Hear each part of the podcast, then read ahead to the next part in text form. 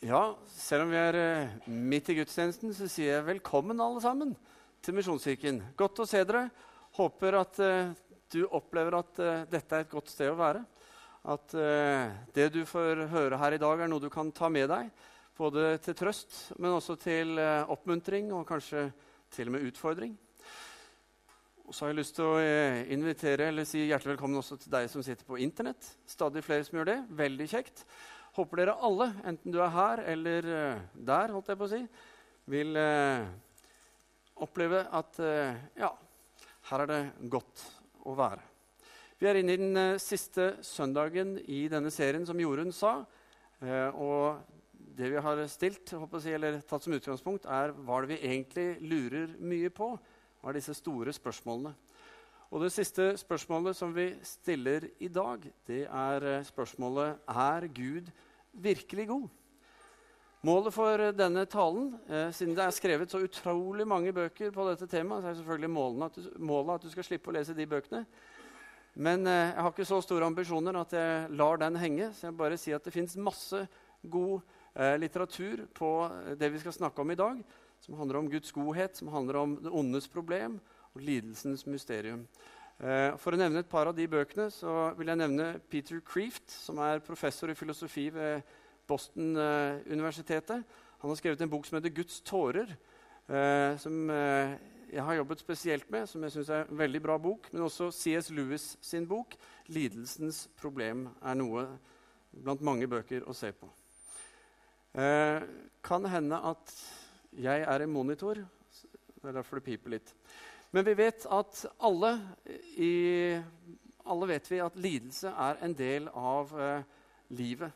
Enten så har vi merket det spesielt eh, på kroppen eller i vår nære omgangskrets, eller så har vi hørt om det eller sett det. Og historier om eh, lidelse og stor lidelse de er det bare utrolig mange av.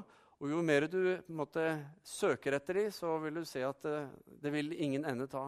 Og Derfor tror jeg heller ingen søker etter dem, for vi vil helst ikke vite av lidelse, med mindre lidelsen har en god ende.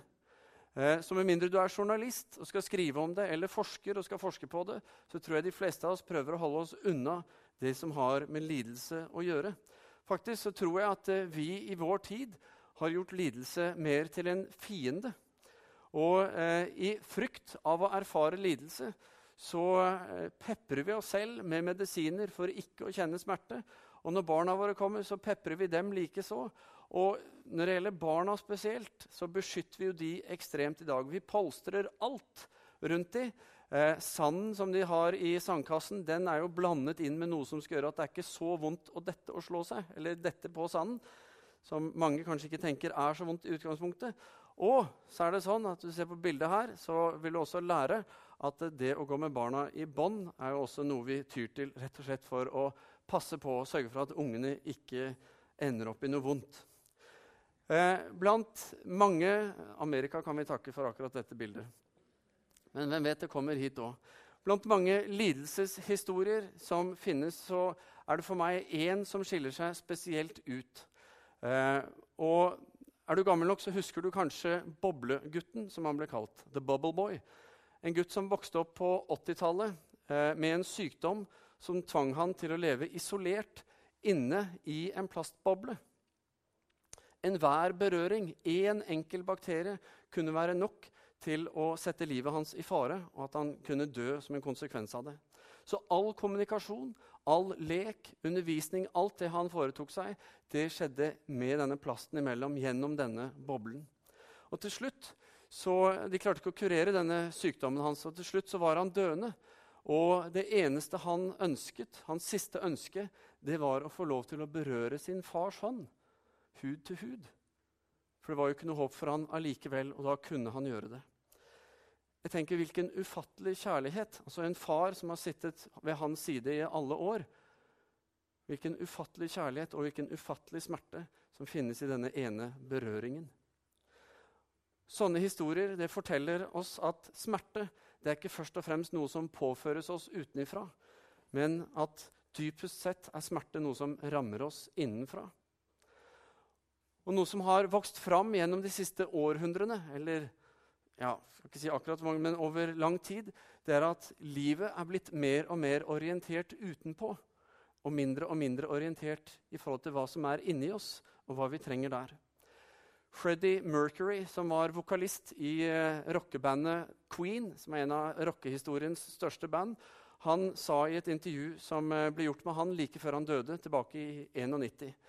Uh, da sa han du kan ha alt, i denne verden og likevel være verdens mest ensomme menneske. Dette er den bitreste form for ensomhet, sa han. Suksessen har gitt meg idolstatus verden over og millioner av pund, men den har hindret meg i å oppnå det ene vi alle trenger, et kjærlig og vedvarende forhold.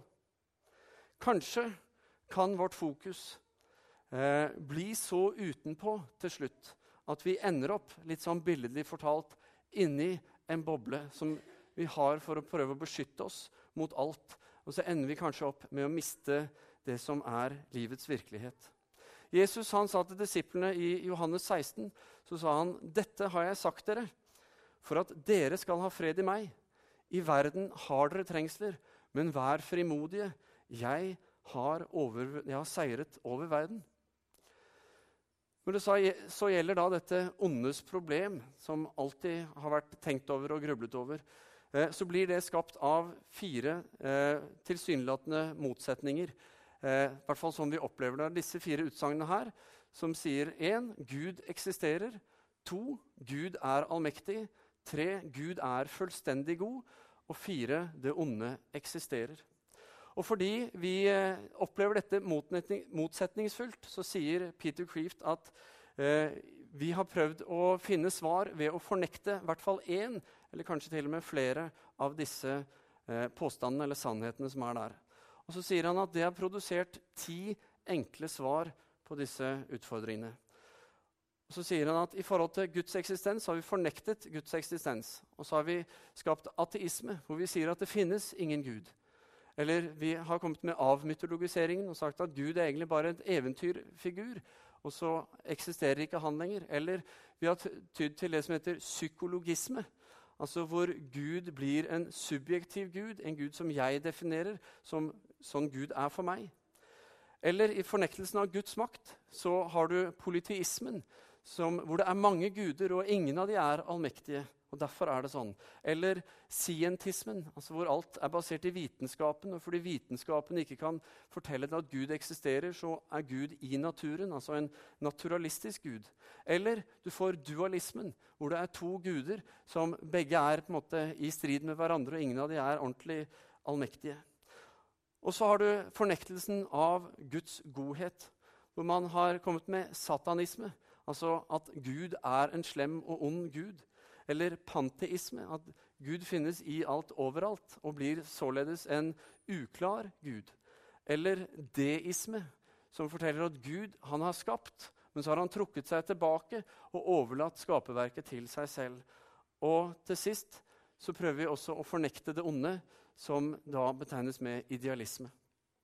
Og Når jeg ser denne listen som dere ser her, så eh, slår det meg at uansett hva vi tror eller ikke tror, så er Gud utgangspunktet for det vi tror eller velger å ikke tro. Alt, tenker jeg, når jeg ser dette, begynner med Gud. Selv fornektelsen av Guds eksistens. Og det er interessant. Men Creeft han sier at dette er ti enkle svar, for han sier de er ikke levelige. Ikke bare opplever han de irrasjonelle, men også umenneskelige. Fordi de løser ikke det ondes problem der det virkelig gjør vondt, der det starter i det indre livet, i hjertet. For vi mennesker vi eh, lever ikke i tankene våre alene, i hva vi klarer å rent logisk komme fram til, men vi lever i aller høyeste grad i livet som er rundt oss. Bibelens og kanskje historiens mest kjente lidelsesfortelling, foruten Jesu egen lidelseshistorie, det er fortellingen om jobb, som vi treffer i Det gamle testamentet. Eh, vi skal sammen lese de tre første versene i Jobbs bok. Og Der leser vi Det bodde en mann i landet Us. Jobb var navnet hans. Han var en from og rettskaffen mann som fryktet Gud og unngikk alt ondt. Han fikk syv sønner og tre døtre. Han hadde en buskap på 7000 sauer, 3000 kameler, 500 par okser og 500 eselhopper. Mange tjenere hadde han også. Denne mannen var den største blant folkene i øst. Altså ingen smågutt. Han hadde alt, og så hadde han kanskje til og med enda mer, fordi han kjente ikke på den ensomheten eller tomheten som Freddie Mercury beskrev, som også hadde veldig mye. Så forteller historien om Jobb at djevelen kommer og anklager Gud for at Gud syr puter under armene på Jobb. Og det er fordi Gud er så god mot Jobb at, Gud, nei, at Jobb er trofast mot Gud og frykter han. Så, Jobb, eh, nei, så Gud tillater eh, djevelen å sette Jobb på prøve, og han får lov til å ta fra han alt han eier og har, men han får ikke lov til å ramme livet hans. Alt han eier, det røves fra han i den ene voldsomme scenen etter den andre. Og alle barna hans og alle tjenerne hans slaktes ned for fote i den grusomme scenen etter den grusomme scenen. Og når han sitter igjen med og nå skal jeg veie mine ord forsiktig, for det er snart farsdag, men når han sitter igjen med bare kona eh, og, alt, og ruinene av alt det han eier, så sier denne mannen Naken kom jeg fra mors liv, naken vender jeg tilbake. Herren ga, Herren tok. Velsignet være Herrens navn. Jobb besto prøvelsen, men djevelen var ikke fornøyd med det og fortsatte anklagen. Han sa, 'Men en mann er jo villig til å gi alt han eier, om han bare får bevare helsa si.' 'La meg få ta han på helsa, så skal du se at han bukker under.' Gud tillater det, men han får ikke lov å eh, måtte ta livet hans. Og eh, nå som da eh, jobb blir plaget med byller fra eh, topp til tå, med masse smerter, så eh, ser vi at også kona hans vender seg mot han og håner han fordi Jobb fremdeles fastholder at det finnes en god Gud der ute. Og Så sier Jobb som et svar på hennes hån så sier han, når vi tar imot det gode fra Gud, skulle vi ikke da også ta imot det vonde? For en mann! Han besto også den prøven. Så fortsetter 35 kapitler hvor vennene hans Elifas, Bildad, Sofar og etter hvert også Elihu kommer inn i bildet for å prøve å hjelpe han med å forstå dette som har skjedd i livet hans. De lirer av seg av sin kunnskap om Gud, og så vil de tøyle det som har skjedd, tøyle jobb med denne kunnskapen. Og Under hele denne prosessen disse kapitlene, så er Gud taus. Han sier ingenting. Eh, Peter Kreeft han henviser til Sokrates. Sokrates som er kjent som den første av filosofene. Og han eh, henviser til Sokrates' tanker om intellektuell ydmykhet. Prøv å henge med så godt du kan, men han sier at Sokrates' poeng det er at det finnes bare to typer mennesker i verden. Det er de vise, som vet at de er dårer, og så er det dårene som tror at de er vise. Og så eh, sier han at slik er det også blant de hellige. sier han. Helgener som sier at de er syndere, og syndere som tror at de er helgener. Og som Paulus sier til sin unge, eh, aspirerende Timoteus når han sender brevet til han i første Timoteus brev, så sier Paulus det er et troverdig ord og vel verdt å ta imot at Kristus kom til verden for å frelse syndere. Og blant dem, sier Paulus, er jeg den største. Paulus visste hvem han var i denne skalaen, om ikke han kjente Sokrates. Men Jobbs venner viser seg å ikke være veldig klar over dette. De snubler i sin kunnskap. De trodde de visste alt, men uansett hvor riktig og bra mye av det de sier, er, så faller det i at det bare er tanker og kunnskap, ikke i liv. Og det er en utrolig viktig læring i kommunikasjon til oss alle. At vi ikke bare formidler tanke, men også liv. Og mange eh, kristne og religiøse rundt sliter med nettopp å få formidlet sitt budskap, fordi det blir så lett tanker vi formidler istedenfor liv. Men Jobb skjønte det, og derfor blir hovedpoenget i Jobbs bok ifølge Creeft at eh, det er ikke spørsmålet om hvorfor det onde skjer når Gud er god, eller at hvorfor onde ting skjer med gode mennesker.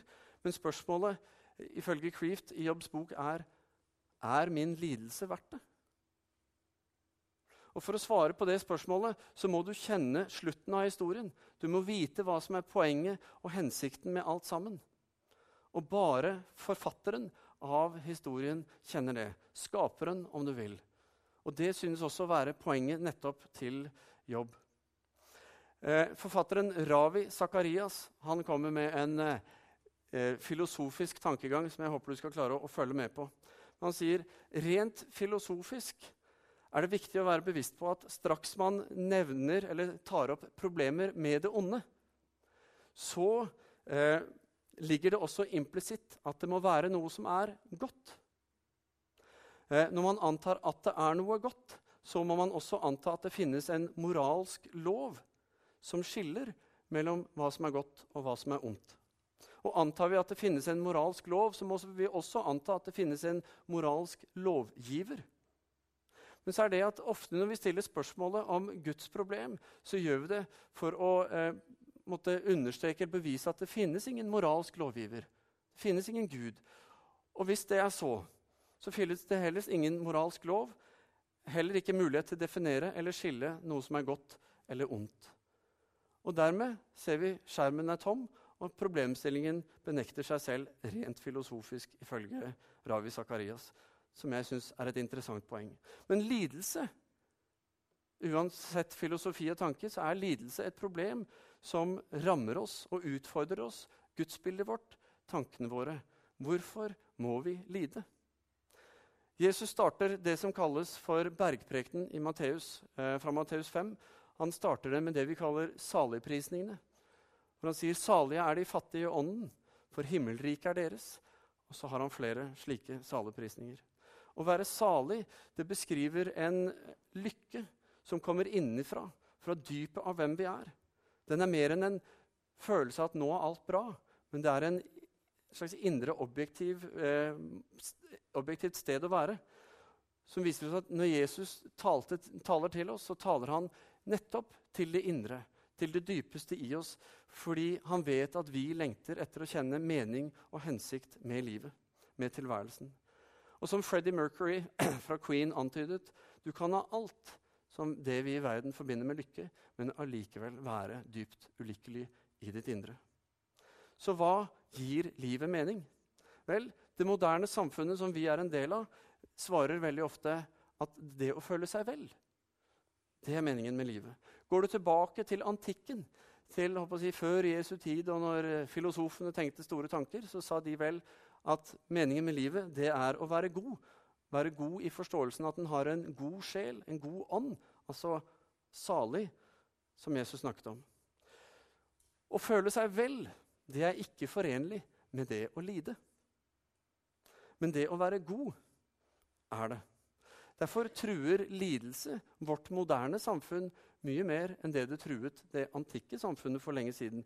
Som kanskje forteller oss at eh, vi er ikke blitt bedre på alt, selv om vi har en enorm utvikling og har fått til store ting opp gjennom historien. Så klarer vi allikevel kanskje ikke nettopp dette indre. Creeft sier dårer kaller skrap for juveler fordi de måler med skraphandlerens målestokk. Og det blir på en måte vår reelle fare også. Videre er det mest populære svaret i vår tid på hva det betyr å være et godt menneske, nemlig det at en skal være snill. Hvis vi ikke skader noen, så er det ok. Vi er litt inne i kardemommeloven på et vis, for å sette det litt på spissen. Men en med en slik målestokk så er ikke Gud god hvis han lar oss lide. For det er ikke godt. Men med en litt mer antikk målestokk så kan Gud være god selv om han lar oss lide. Hvis han tillater lidelsen å oppnå et større gode.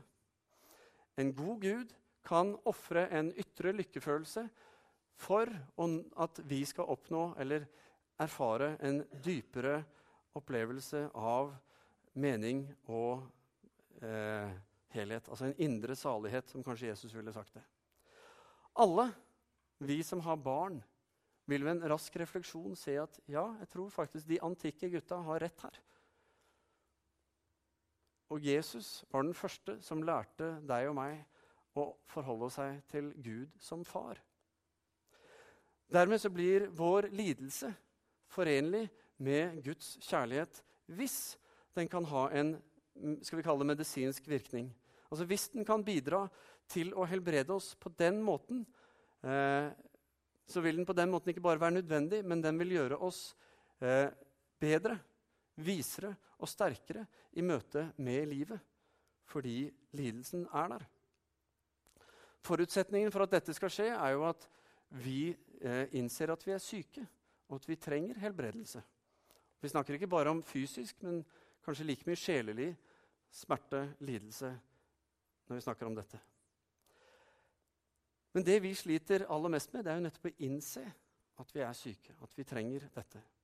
Jesus han sa til de skriftleide, de som anklaget han, altså når de anklaget han for å henge sammen med synderne For det gjør man jo ikke. Da ble man uren, og det var galt. Men de anklagde han eh, for å gjøre det. Og kanskje var disse skriftleide eh, nettopp eh, syndere som hevdet at de var helgener. Hvem vet, det kan virke sånn. Men Jesus sa uansett det er ikke de syke, nei, det er ikke de friske som trenger lege, men de syke. Jeg har ikke kommet for å kalle rettferdige, men syndere. Og da blir spørsmålet er jeg en synder. Trenger jeg at Gud kommer inn og gjør noe i mitt liv? Et annet interessant perspektiv på lidelse kan vi lære fra eh, spedalske. Spedalskhet det er en sykdom eh, som vi pga. en eh, dyktig norsk lege har funnet ut eh, er, er, en bakterie, bakteriologisk sak. Eh, men spedalskhet er en sykdom som lammer bl.a. nervesystemet. Og det som skjer, er at kroppen etter hvert eh, ikke føler. altså Den blir mer og mer nummen, og så slutter den å sense hva som skjer i kroppen. Med, eh, med, det, med den konsekvens at kroppen ikke kommer med sitt immunforsvar for å rette på det som er galt. Så i mangelen av en indre helbredende aksjon fra kroppen så skjer det en ytre forkrøpling av nettopp kroppen. Så vi ser det at tapet av evnen til å lide, evnen til å kjenne smerte, den har langt mer alvorlige konsekvenser enn lidelsen selv. Og det finner jeg interessant. Lidelse minner oss om at det er ikke du og jeg som skriver fortellingen. Den minner oss om at vi er ikke Gud. Som professor Jan Olav Henriksen ved Menighetsfakultetet i Oslo sa i et intervju i Vårt Land for en del år tilbake mennesket trenger Gud, om ikke annet så for å unngå å gjøre seg selv til Gud. Når vi forteller oss selv at vi ikke skal lide, når vi gjør lidelse til vår fiende, så prøver vi å overta kontrollen. Da prøver vi å styre. Og det er blitt sagt at overlatt til seg selv, så vil mennesket spille Gud. Så til slutt så får vi ikke et endelig klart A4-svar som løser alt. Så istedenfor å komme til svaret, så kommer vi til han som svarer. Som i Jobbs bok så bryter Gud tausheten når han taler sitt ord og taler til jobb i hans liv. Og Vi leser i Johannes kapittel 1 Johannes evangeliet, at Jesus er ordet fra Gud. Der står det i begynnelsen var Ordet. Ordet var hos Gud, og ordet var Gud. Og videre i vers 14 så står det og ordet ble menneske og tok bolig iblant oss, og vi så hans herlighet, en herlighet som den enbårne sønn har fra sin far, full av nåde og sannhet. Jeg trenger nåde og sannhet i mitt liv. Jesus, Guds ord, er ikke bare en idé for tanken. Han er ikke bare kunnskap som vi har, som er uten liv. For ikke bare har han vært her og levd her, men han er her i dag. Og I tillegg til å være konkret og virkelig og erfarbar for oss mennesker, er han midt i vår egen personlige historie. Vår historie er også hans historie. Og dermed blir også vår lidelse hans lidelse. Vår største utfordring som mennesker det er å akseptere at Gud faktisk er hos oss. Ved vår side. Enten vi tror det eller ikke, så er Gud der. Og Hvis vi ikke aksepterer det, om vi ikke våger å tro det, så går vi også glipp av det Gud ønsker å svare inn i livet, inn i hverdagen. Og så er det da når vi som jobb velger å gi oss helt til Gud og stole fullt på Han, det er da vi får erfare Guds godhet, Hans kjærlighet og nåde.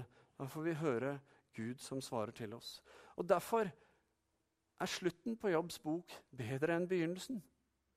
Fordi Gud har svart, og når Gud har talt, så forandres alt. Og I kapittel 42, siste kapittelet, så sier Jobb ingenting jeg vet, jeg vet at du makter alt. Ingenting er umulig for deg når du vil det. Hvem skjuler din plan med uforstand? For jeg har talt uten å forstå om det som er så underfullt at jeg ikke fatter det. Så hør på det jeg nå sier, kjære Gud. Jeg vil spørre deg, så du kan lære meg. Før hadde jeg bare hørt rykter om deg. Nå har jeg fått sett deg med egne øyne. Som vi synger i deg være ære. Troens øye ser det, han gir liv og fred. Neste gang så får jeg en litt høyere tone av Øyvind, kanskje. Eller bare overlater det til de som kan synge. Men Poenget er at det er i det nære, i den intime relasjonen med Gud, at Guds godhet læres og forstås. Der hvor lidelsen ikke er en fiende, men at lidelsen allikevel er noe som Gud har tillatt i vår verden og i våre liv. Så blir det spørsmålet vel, er det da Gud som tilfører eller påfører oss lidelsen. Nei, men han har tillatt den. Det ondes tilstedeværelse i våre liv er en konsekvens av at vi har valgt å lytte til og gi eh, vår stemme til det onde. Slik Adam og Eva ga sin stemme til slangen, som talte sin sak. Og når de ga han sin stemme, så ga de han sin makt. På samme måte som vi gjør på valgdagen her i Norge. Vi gir vår makt til noen som vi vil skal styre for oss. Og Derfor blir på en måte historiens første valgkamp i Edens hage. Men menneskets frie vilje og vår evne til å gi vår stemme til det onde er kanskje nettopp det som forårsaker det onde. Og det at det onde har fått kommet inn i vår natur, er også det som er med og forårsaker smerte, sykdom og lidelse og død. Det er ikke Guds vilje, men Guds vilje det er å få lov til å være en del av våre liv slik at han kan vende det onde til noe godt. Slik han eh, gjorde det i jobb sitt liv. Vendte det onde til noe godt og gjorde jobb til en sterkere person. Slik han vendte Jesu død til evig liv for deg og meg.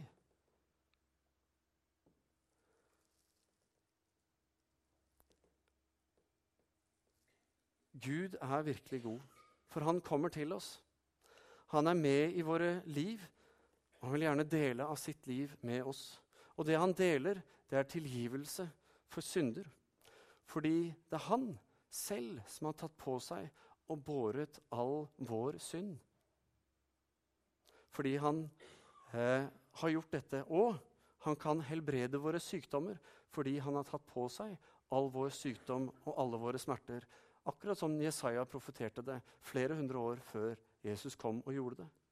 I Lukas 5 så leser vi historien om de fire gutta som bærer den lamme mannen som ligger på båre. Bærer han til Jesus mens er huset stappfullt, så de bryter opp taket og firer han ned. Og Når vi leser den historien, så er du og jeg på samme måte som alle de som var der i huset og så denne mannen komme dalende ned, eller de fire som bar ham bort. Vi er overbevist om at det denne mannen trenger, først og fremst, det er helbredelse, så han kan reise seg opp og stå og danse og hoppe. Men hva er det første Jesus gjør? Han sier, 'Sønn, dine synder er deg tilgitt'. Fordi Langt viktigere enn denne mannens evne til å gå og være frisk var at han hadde eh, sin relasjon med Gud i orden. At Gud, med alt hva Gud er, kunne få lov til å komme inn og være en del av hans liv. Og så ser vi at en, altså Jesus merker at eh, de skriftlærde fariseerne blir litt grinte, for det er ikke lov å tilgi. Det er bare Gud som kan det. Og nå står Jesus her, og så tilgir han. Og så For å demonstrere at Gud har gitt han makt til også å tilgi, så helbreder han denne mannen.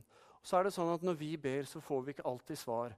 Vi blir ikke alltid helbreda med en gang. Men én ting sier Gud. Jeg er alltid med deg i alt. Og jeg vet hva du går igjennom, og jeg vil bære deg gjennom også dette.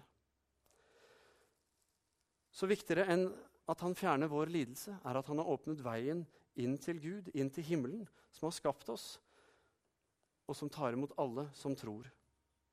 og alle får vi bli Guds barn ved troen. Veien til himmelen den er åpen for alle som vil følge Jesus. Og gjennom vår etterfølgelse så begynner troen å vokse. Mange tenker at disiplene de var ferdigstøpte og trodde alt da de sa ja, ja, følg med. Nei. De begynte på en vandring, og så vokste troen med dem. Og Jesus han anerkjenner selv den minste tro. Så når vi får troens øyne, så får vi se hvordan eh, fortellingen ender. Altså Vi får et blikk på hvordan kommer dette til å gå, hva er meningen, hva er hensikten? Fordi vårt perspektiv endres. Vi får se ting i evighetens perspektiv.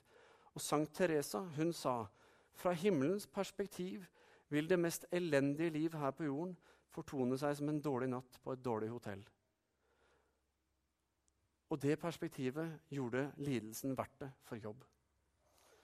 Så er Gud virkelig god? Ja. Fordi vi kan alle forstå, ut fra sånn vi mennesker tenker, at eh, Gud fra hans ståsted, hvis han nå er Gud og finnes der oppe, og alt sånn, så er ikke han forpliktet på å gjøre noe for oss. Og Derfor er det sånn at enhver annen religion i verden har det at vi må streve, vi må stå på for å fortjene at Gud skal bry seg om oss. Men ikke sånn i Bibelen. Der lærer vi at Gud kommer til oss, til alle som tror, om så det står på ingrediensene våre at det bare er et spor av tro i livene våre. Han kommer til oss. Gud kommer ikke bare til oss, han er ikke bare med oss i våre trengsler. Han har båret dem alle sammen. Han har erfart den smerten, den fortvilelsen og den sorgen som du og jeg kjenner på. Derfor er det ingen annen som bedre kan bære oss gjennom våre trengsler og lidelser, og som kan hjelpe oss i møte med nettopp ondskapen som rammer i verden. Så da, som vi leste i starten, og nå er vi straks ferdig, Johannes 16 Dette har jeg sagt dere for at dere skal ha fred i meg, sa Jesus til disiplene. I verden har dere trengsler, men vær frimodig, jeg har seiret over verden. Vi tenker at Gud ikke er god fordi det finnes ondskap. Sannheten er at Gud ga oss fri vilje, og skulle ondskapen aldri eksistert, så kunne heller ikke den frie vilje eksistert. Og kan det være noe godt om ikke ondes mulighet, det ondes mulighet er der? Altså, Hvordan kan du og jeg fortelle oss selv at vi har det godt om vi aldri har erfart noe som er vondt? Hvordan vet du at du er fri hvis du aldri har vært bundet? Det var den frie viljen vår som valgte det onde. Det var du og jeg som valgte det onde. Så at Gud ikke overlater oss til oss selv, men selv er den som går inn og tar på seg straffen for våre valg det er nødt til å være godt. Gud må være virkelig og fullstendig god. Jeg kan ikke forstå noe annet. For så høyt har Gud elsket verden at han ga sin sønn den enbårne, for at hver den som tror på han, ikke skal gå fortapt, men av evig liv, skal vi be. Kjære himmelske Far, vi takker og priser deg, Herre, for at uh, du er den som kommer til oss. Herre, du ser oss akkurat hvor vi er. Du vet hva som eh, rører seg inni oss. Lider vi, så vet du akkurat hvordan det føles. Er vi fortvila, så vet du akkurat hva den fortvilelsen handler om. Og er vi fulle av sorg, Herre, eller andre ting, så vet du akkurat hva det handler om. Fordi du har allerede båret det for oss. Og så sier du, 'Kom til meg, dere som strever og bærer tunge byrder, og jeg vil gi dere hvile.' Jeg vil ta bort. Jeg vil sette fri. Jeg vil forløse. Jeg vil tilgi. Jeg vil legge det bak meg for at du skal få starte på ny. Takk, Herre, for at du er i sannhet god. Du er virkelig god. Og selv om det gjenstår mange vanskelige problemer og følelser i våre liv, Herre, så ber jeg Herre at du skal hjelpe oss å se at du alltid er med oss. Og Herre, av og til så opplever vi også at du er taus.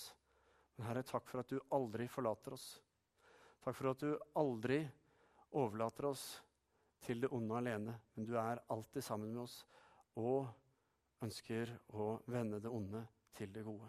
Så hjelp oss, Herre, å tro på deg fullt og helt. Om ikke vi forstår det, så kan vi kanskje velge det. Hjelp oss å ta valg, Herre, selv om viljen er noe av det vanskeligste vi tøyler i livet vårt.